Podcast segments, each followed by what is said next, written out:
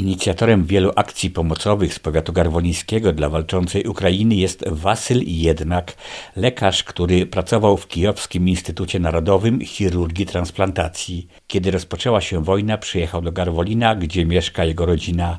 Uruchomił swoje kontakty i teraz, dzięki pomocy kolegów ze Szwecji, Niemiec ale przede wszystkim Portugalii każdego tygodnia przyjeżdżają do Miętnego, gdzie są dwa ośrodki dla uchodźców, jedna lub dwie ciężarówki z darami dla walczącej Ukrainy. No, najpierw ja przyjechał tutaj zamieszkać tam koleżanek z dzieciakami z Ukrainy, którzy tam przyjechali. I wtedy porozmawialiśmy z kierownikiem, panem Januszem, czy mogę być tak, że gdzieś tutaj jakiś magazyn mały, czy mogę tam nam tam wydać, żeby my tam wszystko mogliśmy ładować, pakować i to wtedy przekazywać na, na Ukrainę. Pan pojął, że w ogóle nie ma problemów, że pomoże w, tym, w tej sprawie.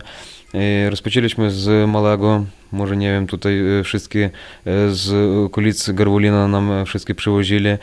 No może tam na jednego busa załadowaliśmy. Wtedy do nas zadzwonił do mnie kolega z Niemiec i powiedział, że jest u niego tam jakieś rzeczy, medycyna, jakieś tam produkty, żywność jakaś i czy może do nas przekazać. Ja myślę, że może. Powiem jemu, żeby jakoś to dostarczyć tutaj. Zadzwoniłem tam jeszcze do jednego kolegi i on przyjechał, przywiózł dwoma busami, przyjechali tutaj do nas, a wtedy mówię, słuchaj, ja mam tam kolegów w Portugalczykach i może zadzwonię do ciebie, bo oni tam ciężarówkami to wszystko do Polski, do granicy. A mówię, a z granicy куда nikt nie wie. A u nas wtedy już była taka droga już aż do Kijowa, bo wtedy w Kijów i, i kijowskie okolice wszystkie były pod okupacją. I chłopak do mnie zadzwonił, to takśmy się dogadali i przyjechało trzy busa i przyjechali policjanty. Przywieźli nam, wszystko im się spodobało i od wtedy nam, rozpoczęli nam wozić to wszystko i żywność, i medycynę, i jakieś tam i rzeczy różnie, i dla dzieciaków. Wszystko, wszystko, wszystko. Już przyjechało, nie wiem, może sześć ciężarówek od nich. Z Niemiec także. To wszystko tylko od kolegów, od znajomych kolegów i od, od tak ono poszło. Samochody wypełnione różnego rodzaju artykułami żywnościowymi, przemysłowymi, medykamentami przybywają do ośrodka w Miętnem. Tam spośród ponad 100 uchodźców, przeważnie kobiet, organizuje się spora grupa, która zajmuje się przeładunkiem towarów i ich segregacją. A najgłówniejsze to, że to było tu zorganizowane, że tutaj e, ludzie, te, e, jakie mieszkali tutaj, oni wszystkie pomagali nam. Wszystko tam e, segregowali, co komu potrzebne. Do medycyny do medycyny, tam żywność do żywności. A najpierw my jeszcze takie robili rodziny, takie kartony, żeby od razu oddawać tam rodzinom, no, jeżeli tam Bucza, Irpień wtedy było, to my od razu tam ludziom wydawaliśmy takie paki. I tak poszło, nie wiem, fundacja fundacji pomagała, to nie wiem, dzisiaj mamy coś tam, dajemy innej fundacji, wtedy ta fundacja może nam przekazać dwa, trzy busa, co u nich tam jest. Tam. Albo e, u nich jest tam na Ukrainie, e, gdzieś tam na magazynach. Oni z nami tam też e, wszystko nam pomagają i dają, co u nich jest tam. I także jakoś tak, no. Gdzie te dary trafiają? Czy do konkretnych ośrodków, szpitali, miejscowości na terenie Ukrainy, czy po prostu potrzebujących bez określonego adresu? Różnie na początku. To było do kijowskich szpitali. Do kijowskich i część tam do Czernigowa, Charków, Donetsk, Luhansk było mniej. A z Kijowa wtedy przekazywali już dalej.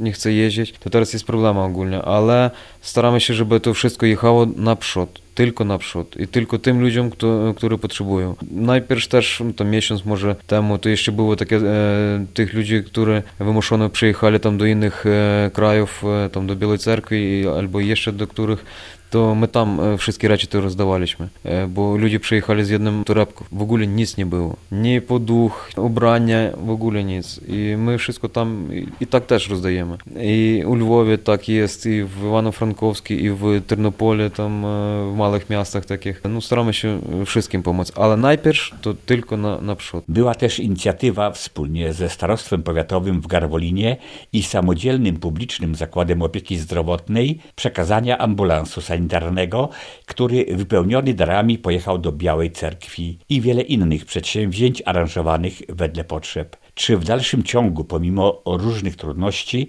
organizowane będą takie akcje pomocowe? Planujemy, tylko jest problem z paliwem i z dojazdem. Teraz e, nie chcą jeździć tak w tą stronę. Zaporożje, Herson, e, Lugansk, Donetsk, mało kto jeździ.